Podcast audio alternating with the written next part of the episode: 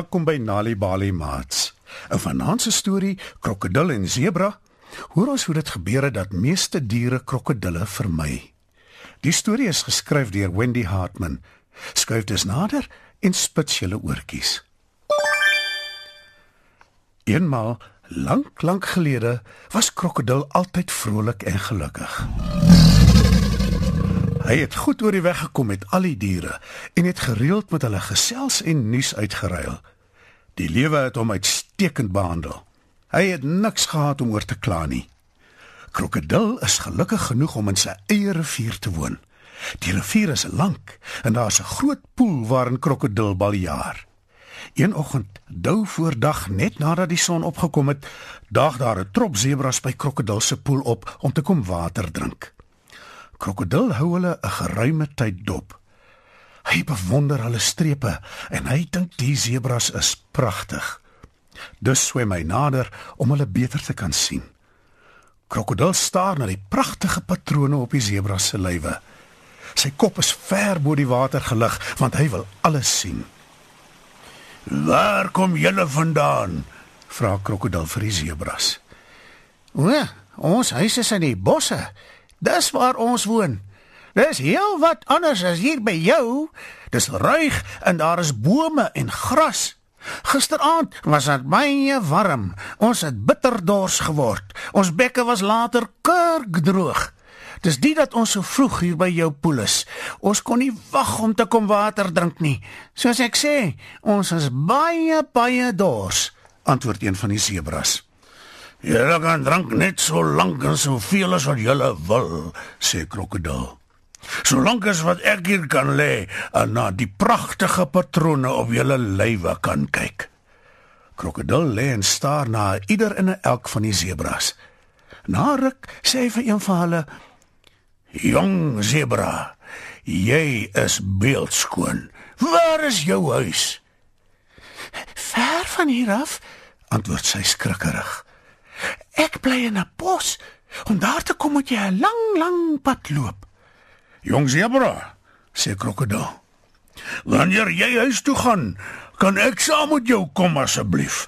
Jy is so pragtig. Ek wil by jou wees. En sodra ons by jou huis aankom, wil ek met jou trou. Jong sebra is nou sommer baie bang. Sy kyk met groot oë na krokodil. Sy kyk veral na sy tande, sy rye vlamskerp tande. Eh, "Krokodil," sê jong sebra versigtig. "Jy maak 'n goeie keuse. Ek sal verheug wees om jou vir 'n eggenoot te hê. Ek sal jou baie gelukkig maak." Daar is net een ding wat my pla, krokodil. Jy is 'n dier wat in die water woon. Hierdie is jou huis, die rivier. Hoe sal dit vir jou moontlik wees om saam met my te reis oor droë land na my tuiste toe? Ek is bekommerd, krokodil. Sal jy nie omkom as jy nie in die water is nie? Krokodil skud sy kop ontkennend. Jy is so beeldskoon. Ek sal in elk geval omkom as jy nie instem om met my te trou nie. Ek sal saam met jou reis, jong sebra. Dit maak nie saak hoe ver dit is en of dit oor droë land is nie. Ek sal saam met jou na jou tuiste toe gaan, hoe gevaarlik dit ook al vir my mag wees. Dis hoe belangrik jy vir my is. Toe die sebras dus die rivier verlaat en regmaak om terug te keer na hulle huis in die bos toe, stap krokodil saam met jong sebra oor die droë land na waar sy woon. Eintlik waggel hy meer as wat hy loop op sy kort pote. En dis nie lank nie of dit gaan al stadiger en al moeiliker. Wag so 'n bietjie. Jy loop te vinnig, sê krokodil vir jong sebra. Sy loop effens stadiger, maar net vir 'n ruk, want sy is haastig om by die huis te kom voor donker. "O, oh, vat kleiner tree, asseblief jong sebra, sodat ek langs jou kan loop." Weereens loop jong sebra effens stadiger, maar weereens net vir 'n rukkie. Nie alleen wil sy by haar huis uitkom nie, maar sy is ook bang vir krokodil met sy eislike bek vol lang skerp tande. Na ruk sleep krokodil se pote. Hy is honger en dors. Hy is nie gewoond om so ver op droë land te loop nie. Oh, asseblief jong zebra, asseblief. Ek, ek vra jou mooi.